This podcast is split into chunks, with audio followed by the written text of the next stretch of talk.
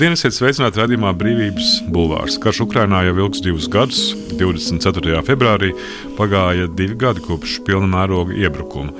Krievijā ieslodzījumā nogalināts Krievijas opozīcijas līderis Aleksis Navaļņš. Šķiet, ka pasaule, kurai nebija skaidrs, kas ir Krievija un tās politiskie mērķi, šo divu gadu laikā to ir atkārtusi vai šie divi gadi tuvina Ukraiņu uzvarai un ko mēs varam zināt jaunu par Krieviju. Par to sarunu ar Krievijas ekspertu, vēsturnieku un politikas pētnieku Kārli Daugstu. Labdien! Sveicināti!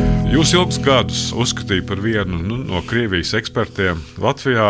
Vai jūs varat teikt, ka jūs tagad saprotat Krieviju? Jo pirms dažiem gadiem es skatījos intervijā, jūs teicāt, es domāju, Krievija ir tāda mīkla, kuru līdz galam nevar atminēt, vai mēs varam teikt, ka viņi tagad ir atminēti? Esmu pilnīgi pārliecināts, ka šī laikā un šī periodā un vispār uz zemes lodes ir maz cilvēku, kuri var apgalvot, ka viņi izprot Krieviju ļoti maz. Arī paši krievi līdz galam sevi neizprot, jo viņi tā arī uzskata, viņu vēsturiskā piemiņa ar saka par to, ka mēs esam noslēpumaina dvēsele. Un šo noslēpumaino dvēseli, manuprāt, var atklāt tikai tad, ja redz viņa šīs dvēseles darbību.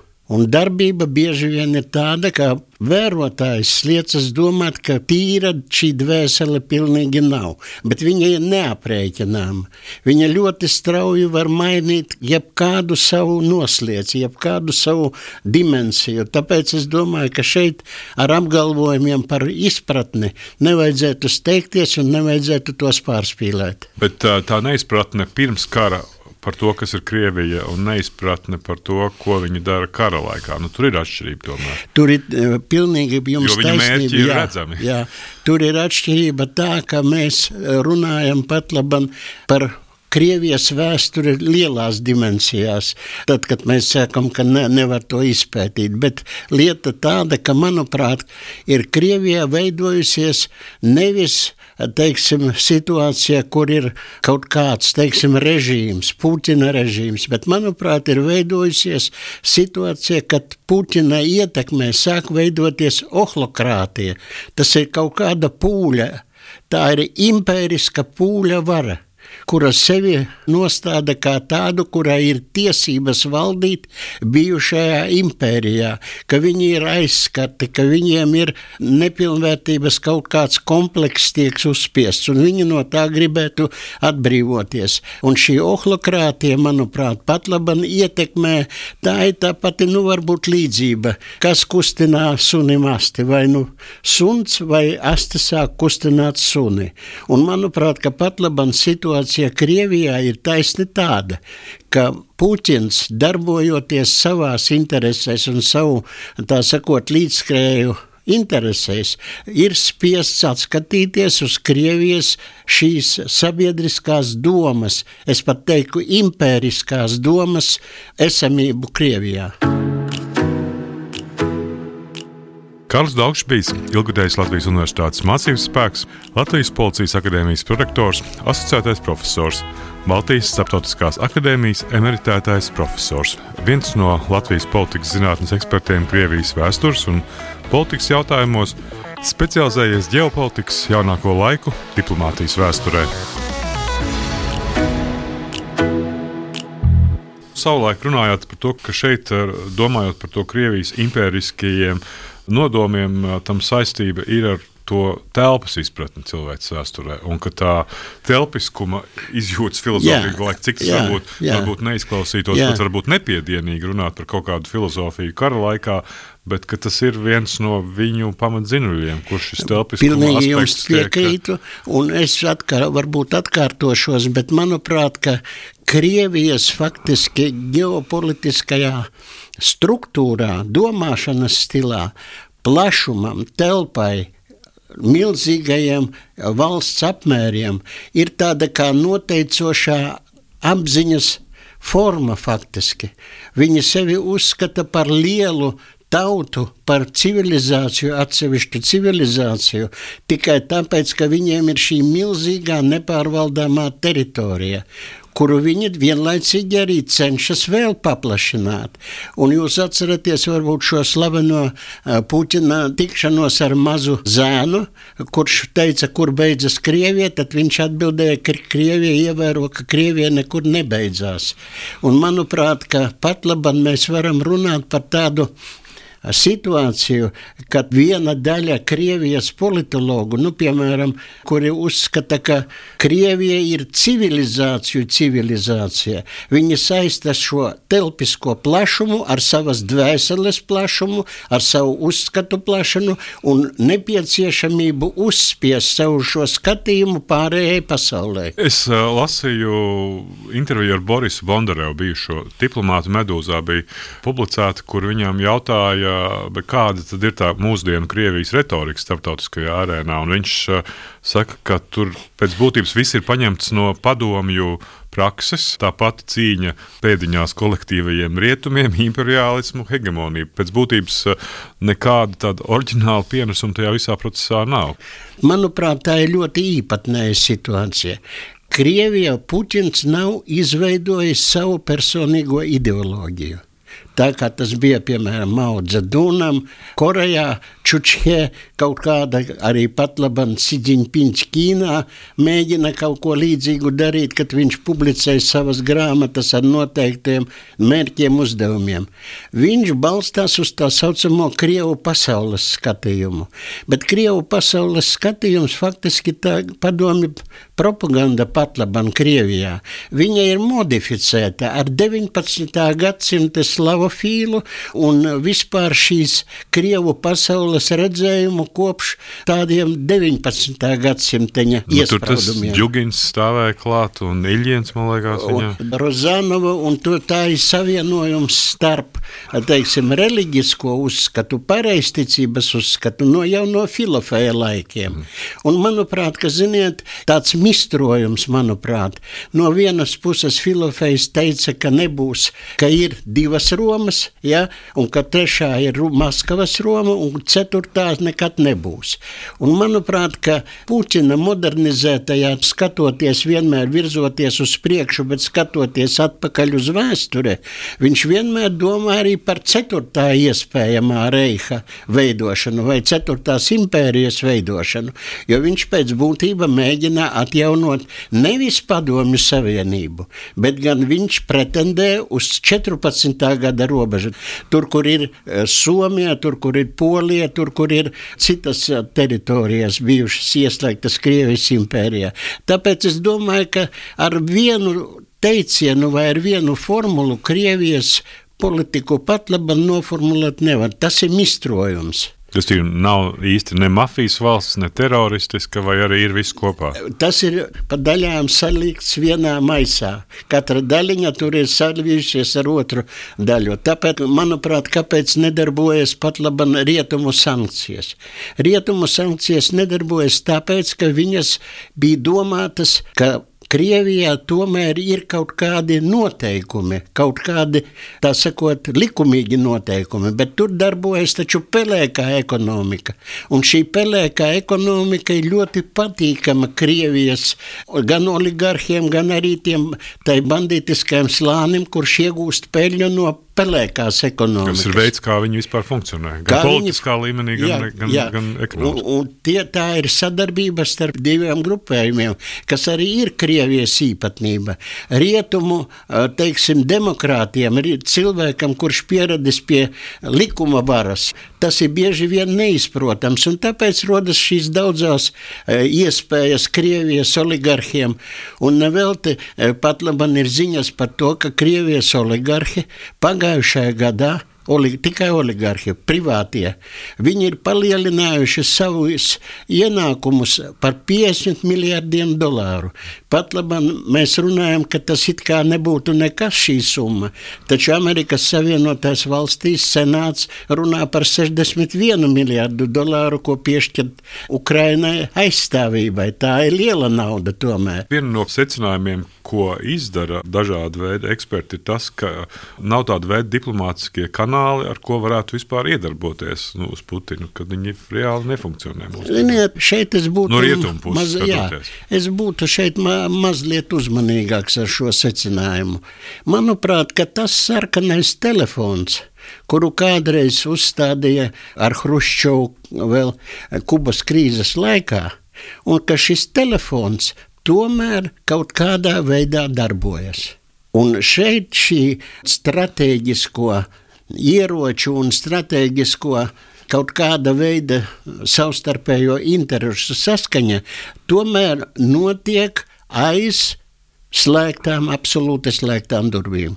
Ka tā vairs nav diplomātija tīrā veidā, bet tā ir slepena, superslepena diplomātija. Viņa tomēr pastāv. Tāpat nav tā kisingeriskā diplomātija. Tāpat nav tā, jā. Zināt, es te gribētu atsaukties uz vienu pulkvedi, kurš pat labam ir Krievijas prezidents, jā. Viņš teica tam pašam Kalsonam, viņš taču pateica, nu, lai to dara mūsu slepenie dienesti, kad par Gerškoviču, to žurnālistu, kurš ir apcietināts Krievijā par apmaiņu. Tātad viņš jau dod saprast, ka tie dienesti tomēr tur strādā. Un es domāju, ka tur sakaru līnijas netiek pazaudētas pilnīgi, kā to mēģina apgalvot viens otrs politologs vai speciālists. Radījums Brīvības Bulvārs. Sarunas par to, kas notiek un ko mēs par to varam domāt. Šajās dienās arī tiek tas jautājums hipotētisks, kas, protams, ir arī nedaudz eh, nokavēts par to, ja Navaļņīs būtu palicis eh, rietumos, vai rietumos būtu izveidojusies spēcīga opozīcija. Jo šobrīd ir viena no tēmām, kas ir dienas kārtībā, ka nav īsti saskatāmi spēcīgi Krievijas opozīcijas līderi nekur, ne pašā Krievijā, ne ārpus Krievijas. Es domāju, ka vispār opozīcijas nav kā tādas. Kas tā par opozīciju ārzemēs aiz Krievijas robežām? Tur ir sapulcējušies cilvēki, kuriem ir personīgās ambīcijas, kuriem ir dažādi politiski noskaņojumi, kur ir impēristi, kur ir komunisti, kur ir fašisti, kur ir dažni dažādu grupējumu un uzskatu cilvēki. Un viņiem arī personīgās apvainojumi, aizvainojumi, dažādas pagātnes kļūdas. Tā nav opozīcija. Tas ir pirmais. Un otrais, ko es gribētu atzīmēt, pašā Krievijā opozīcija nav iespējama tāpēc, ka nav instrumentārija. Nav iespēju kādā veidā realizēt kaut kādas varas funkcijas, kas ir viens no opozīcijas tomēr mērķiem. Tur nav vēlēšanu, pat, teiksim, vietvaru līmenī vēlēšanas notiek tikai pēc precīziem sarakstiem, iepriekš saskaņotiem jau ar valdošajām aprindām. Bet ārpus Krievijas? Ārpus Krievijas viņas nevar darboties, jo nav instrumentārija arī kopā. Nu, viņai jau bija būtiska loma gan sankciju izstrādē, gan identificēšanā tā pašai Navaļņai komandai. Ar visu to, ka Navaļņis bija cietumā, viņi turpināja strādāt. Tūliņ man metīsies virsū ļoti daudzi, bet saprotiet, korupcijas apkarošanas mehānisms, ko realizē Navaļņā komanda, no vienas puses ir ļoti pozitīvi vērtējams. No otras puses, faktiski tikai korupcija faktiski bija sagraujusi Krievijas armiju. Korupcija grauj, tāpat kā pat labi korupcija grauj patriotismu Ukrajinā. Un korupcijas pētniecība vienlaicīgi apmierināja lielas mierpilsoņu daļas nu, tieksmes, zināt, un tā tālāk. Bet vai tas radīja kaut kādu, teiksim, darbību? Vai tas radīja iespēju konfiscēt šos īpašumus? Nē, viņi tikai man parādīja, ka tur ir. Tam pašam Medvedevam tur ir jahtas, tur vēl kaut kas un tā tā. Ļoti skaisti, ļoti patīk. Bet Nu, varbūt vēl nav pienācis laiks. Tāpēc es arī saku, ka iespējams šīs tā sakot, darbības būs tikai pēc tam. Puķins sēž uz viena maisa. Viņš vāc informāciju par saviem līdzgaitniekiem. Kamēr viņam tie līdzgaitnieki ir izgaismoti viņam pašam un viņa komandai un ir uz papīra lapas, kura noslēpta seifā, tas neko nedod. Bet tiklīdz šie Puķina ienaidnieki vai arī tie korumpanti, kuri tiek parādīti televīzijā, kurus filmē no droniem un kuri ir redzami cilvēkiem daudziem Krievijā, kas tā sakot, sēž savās ļoti skaistajās sēdžās, tad viņiem tas izraisa ne tikai skaudību, bet pēc tam iespējams, ka Puķinam tas būtu izdevīgi. Es neesmu vainīgs, tie ir tie vainīgie. Saprotiet, te ir politiskā spēle, kuras gala rezultātu līdz galam mēs viņu neizprotam. Mēs varam izvirzīt tikai versijas, tāpat kā es pat labi arī. Tā ir tikai versija nevis apgalvojums. Radījumā Brīvības Bulvāris saruna ar politologu un vēsturnieku Kārlu Daugstu. Vai jūs pat Latvija un Baltija pēc kara sākšanās uh, Ukrainā iemantoja lielāku vēstures subjektu lomu kā šobrīd mēs dažkārt apgalvot, ka mūsos tagad ieklausās, ka mēs sākām spēlēt daudz būtiskāku lomu nekā iepriekš, vai, vai tā ir tikai retorika? Nē, tā nav nec retorika. Man ar, atkal arī šeit ir viena versija, bet atkal es tikai gribu pasvītrot, ka nu, politologi jau nodarbojas ar faktiski versiju izvirzīšanu. Saprotiet, pēc Zviedrijas, kura iestāsies noteikti NATO un būs NATO locekļi, un Somija, mēs redzam, ka sāk veidoties polijas vadībā, polijas vadībā tāda vesela strīpa, kura iet no Ziemeļu jūras faktiski līdz pat Melnējai jūrai, līdz pat Vidusjūrai, vēl vairāk, ja mēs skatāmies. Ja mēs paskatāmies par šīs teritorijas, valstu teritorijas darbību NATO ietvaros, tad mēs redzam, ka šīm valstīm ir daudz asāka, daudz specifiskāka izteiksmes forma pret Krieviju, jo viņi zina, kas ir Krievija tuvāk nekā to izjūt Portugāla, Spānija vai arī, teiksim, pat Francija, ja, kurai tur ir dažne dažādas īpatnības vēl attiecībās ar Krieviju vai Padomu Savienību kopš de Gola laikiem. Un te ir tā situācija, kad domāju, ka sāks tomēr veidoties NATO ietvaros. Manuprāt, ka kaut kādas tādas pazīmes jau sāk veidoties, ka šī līnija sāks veidot savu īpatnējo, savu specifisko politisko dienas kārtību, ne tikai balstoties uz Amerikas Savienotajām valstīm, kuras liktenis arī vēl nav izšķirts līdz galam. Jo mēs redzam, ka šī lielā valsts arī sāk šķelties gandrīz divās daļās. Taisni nevis tikai Trumps, Baidens, bet gan pašā iekšienē notiek liela šķelšanās procesi. Un tāpēc es domāju, ka šeit var veidoties situācija, kurā rādīs, ka mums, Baltijas valstīm, Somijai, Zviedrijai, Ukrainai ir vienoti mērķi, un kuri ir par to, lai atturētu Krievi. Tā ir faktiski tā pati. Es tagad sāku atcerēties Kenana teorija. Par to, ka mums vajag atturēt un veidot šeit kaut kādu joslu, kura vienlaicīgi gan aizstāv rietumus, un vienlaicīgi realizē savas nacionālās intereses. Mm par savu drošību. Latvijas ģeopolitiskais stāvoklis balstās pēc manām domām uz tā saucamo fluktuācijas teoriju. Visas sistēmas, arī ģeopolitiskās sistēmas, fluktē, viņveidīgi attīstās. Teiksim, izplešas un sarūp, atkal izplešas un atkal sarūp.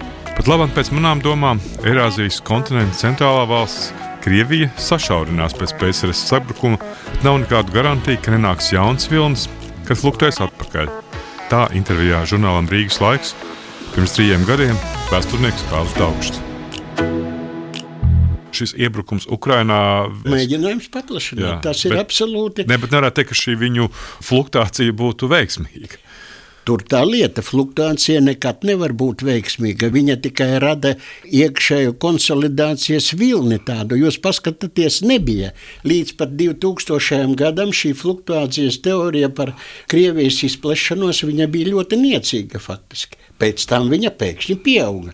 Tā ir ģeopolitiskā fluktuācijas teorija, kura nav tikai ar pozitīvu vai mīnus zīmi. Tā ir bieži vien dabiska parādība Vēl vienu piemēru, bet pilnīgi no citas sfēras. Sakiet, lūdzu, vai fluktuācijas teorija nesāks darboties pēc Ņerčinskas un daudziem citiem līgumiem starp Ķīnu un Padomju Savienību, jeb Krieviju un Ķīnu? Vai Ķīna nesāks atgūties un eh, sāks domāt par to teritoriju? Jau tagad pat labam tās kartes tiek pārzīmētas, un jūs zinat to startautisko skandālu, kad eh, geogrāfiskas kartes bija pārzīmētas jau Sibīrijas teritorijas tika ieslēgtas noteiktas kā zaudētās teritorijas. Ķīnas eh, vēstures grāmatās, mācību grāmatās, visa šī teritorija tiek iezīmēta kā strīdīga teritorija.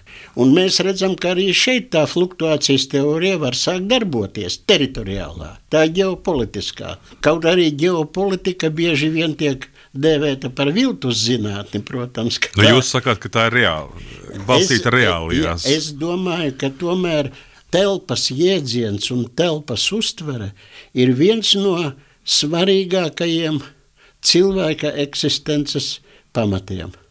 Telpa. Tad, kad es piedzimstu, tad piedzimstot, es jau pirmais, ar ko sastopos, ar naidīgu telpu. Naidīgu neizzināmu, man bīstamu. Un cilvēks tā arī vienmēr pakāpeniski palielinot šo savu dzīves telpu.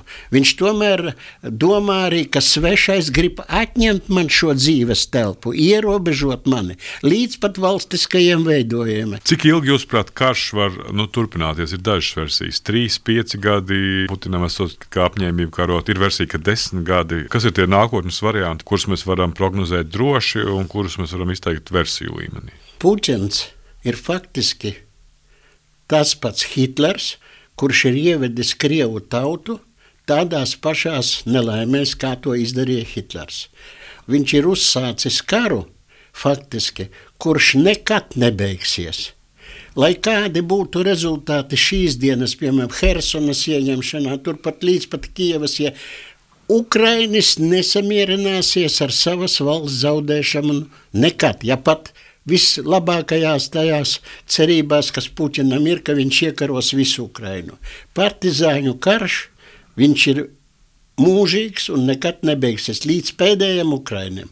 Tāpēc es uzskatu, ka šis karš, kas ir tāds asais kara periods, tas ir, var beigties viņš arī dažu gadu laikā, var beigties arī ļoti drīz, jo tikai ar vienu telefona zvanu to var izbeigt pats Puķins ar vienu telefonu. Jūs domājat, ka puses sēžas pie sarunu galda un ir tāda versija, ka ir tā tāds Somijas variants, kad Somā deva Karēliju. Ja? Lai saglabātu savu neatkarību. Tāda versija ir pat labi uz to spiež Ukrainu, ļoti spēcīgi spiež Amerikas Savienotās valstis, spiež dažas arī Eiropas valstis, spiež daži biznesmeņi, lieli biznesmeņi, kuri ir rietumos, ka ko jūs spurojaties, mums ir izdevīgāk tirgoties ar Krieviju. Nu, un, bet uh, Krievija iegūs laiku tā rezultātā, un pēc laika atkal gribēs. Jā, karot. protams, jā. Tāpēc, tā ir otra teorija, kas pastāv. Tā ir otra, jā, tā vienlīdzīgas viņas ir. Pie tam Puķins ir uzsācis vienu milzīgu asins spirāli. Es atceros vienu skatu no televīzijas par iebrukumu taisni Kievā. Stāv 30 gadus vecs, milzīga auguma vīrietis, Ukrainas, viņa acu priekšā, viņa meitai divi gadiņi norauj kājiņas slādeņš sprākst. Un sakiet, lūdzu, ja viņš pēc gada, pusgada noķer krievu zeldāteņu, ko viņš ar viņu izdarīs? Tā nav tādi optimistiskie scenāriji vispār šajā visā karā. Pat labi, optimistiskākais scenārijs, uz ko es ceru, tas ir pilnīga rietumu konsolidācija attiecībā pret Krieviju. Bet pilnīgas konsolidācijas rietumu nav uh, iespējams panākt.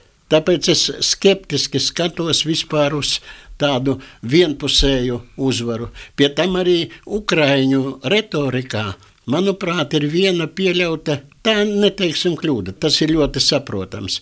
Ukraiņi uzvarēs, mēs uzvarēsim. Nav formulēta, kas ir uzvara. Uzvara nevar būt iebrukums Krievijā. Nevar uzvarēt Krievu un nav vajadzīgs. Uzvarai ir jābūt ļoti precīzai. Mūsu uzvara ir tad, kad mēs atgūstam savas teritorijas 91. gada robežās. Tā ir uzvara. Jūs zināt, ka Ukraina nav spējīga atbrīvot savas teritorijas? Ir spējīga. Ukraiņi atbrīvot savas teritorijas, bet tikai ar rietumu konsolidētu atbalstu. Ar ko šobrīd ir problēmas. Bet tad scenārijs - globālais karš, kas sākas trešais pasaules karš. Nu, pirmkārt, būsim godīgi.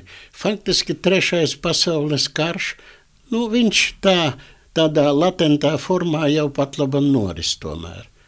Daudzas valstis savā starpā karo karš, ar eh, Hamas karš pret Izrēlu. Jā, eh, faktiski Arābu pasaules karš pret Izrēlu jau viens kara elements, kurš vēl nav zināms, kā beigsies.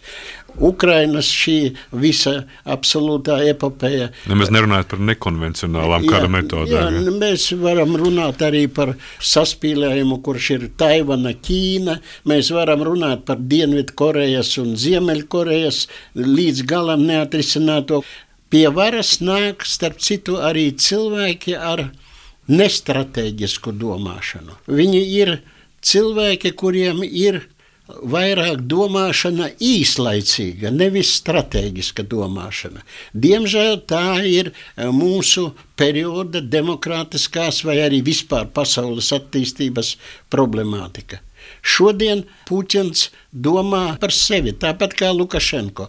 Un rezultātā mēs redzam, ka personīgās, taisni personīgās varas nostiprināšana, viņa vairs nav saistīta ar valsts interesēm, ar tautas interesēm, ar strateģiskajām interesēm. Un tāpēc trešais pasaules karš, viņš pēc manām domām ir tādu personību karš, kurš nav saistīts ar tautu.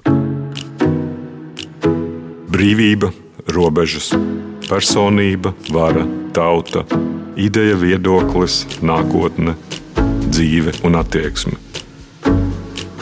Raidījums Brīvības Bulvārs. Mēs jau divus gadus kopš kara sākšanās, un arī jau pirms kara sākšanās, Ukrainā lasām dažādu domnīcu versijas. Tad parasti ir tas jautājums, vai vispār pastāv kaut kāds ģenerālais prāts, kurš vispār saprot to notiekošo. Nē. Cilvēks vienmēr domā, ka ir kaut kādi ģenerālie plāni, bet tādu ģenerālo plānu nav. Mēs esam cilvēki, kuri dzīvojam ar savām interesēm, savām spējām. Uzvedamies situatīvi. Ja? Jā. Jā, arī valstis uzvedas situatīvi. Tūlīt es uzdošu sev, pat arī sev jautājumu, uz kuru man atbildes nav. Latvijai ir ģenerālais plāns pat labam. Nu, mēs esam NATO dalībvalsts, kā mēs esam vienoti šai plāna izpildē. Tātad iestāšanās NATO tā jau ir plāna izpildē ne tikai, man liekas, drošības uzturēšana, kā izteicās, manuprāt, prezidents Rinkēvičs, ir process. Prezidents Rinkēvičs, manuprāt, ir viens no gudrākajiem Latvijas politiķiem. Viņa spēcīgākais, manuprāt, teiciens bija par to, ka iekšējā drošība pat laban ir tas svarīgākais punkts, nevis ārējā.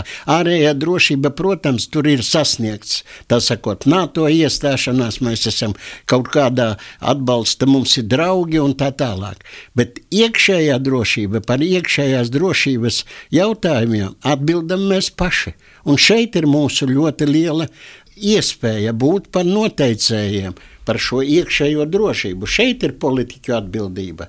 Un vai politiķi spēs būt strateģiski domājoši, ja tomēr viņi interesēsies tikai par nākošo pārvēlēšanu, tas ir liels jautājums.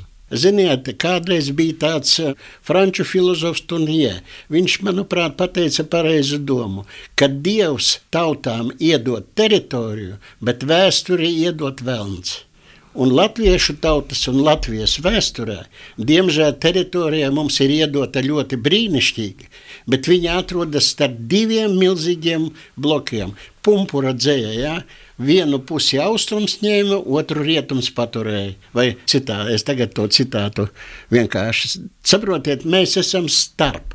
Un šī starp lieliem, milzīgiem dzirnekmeņiem, gan kultūras, gan strateģiskā, gan ģeopolitiskajā, gan arī interešu sfērā, mēs esam vidū. Paldies! Tas bija vēsturnieks, politologs un krievijas eksperts Kārlis Daugšs. Mans vārds Gins Grūba. Radījumu montēja Nora Mitspa. Paldies! Paldies jums! Brīvība ir brīvība. Nevienlīdzība vai taisnīgums, vai kultūra vai cilvēks laime. Tā teica Iesai Berlīns. Sarunas ar brīvas apziņas un ideju cilvēkiem raidījumā Brīvības bulvārs.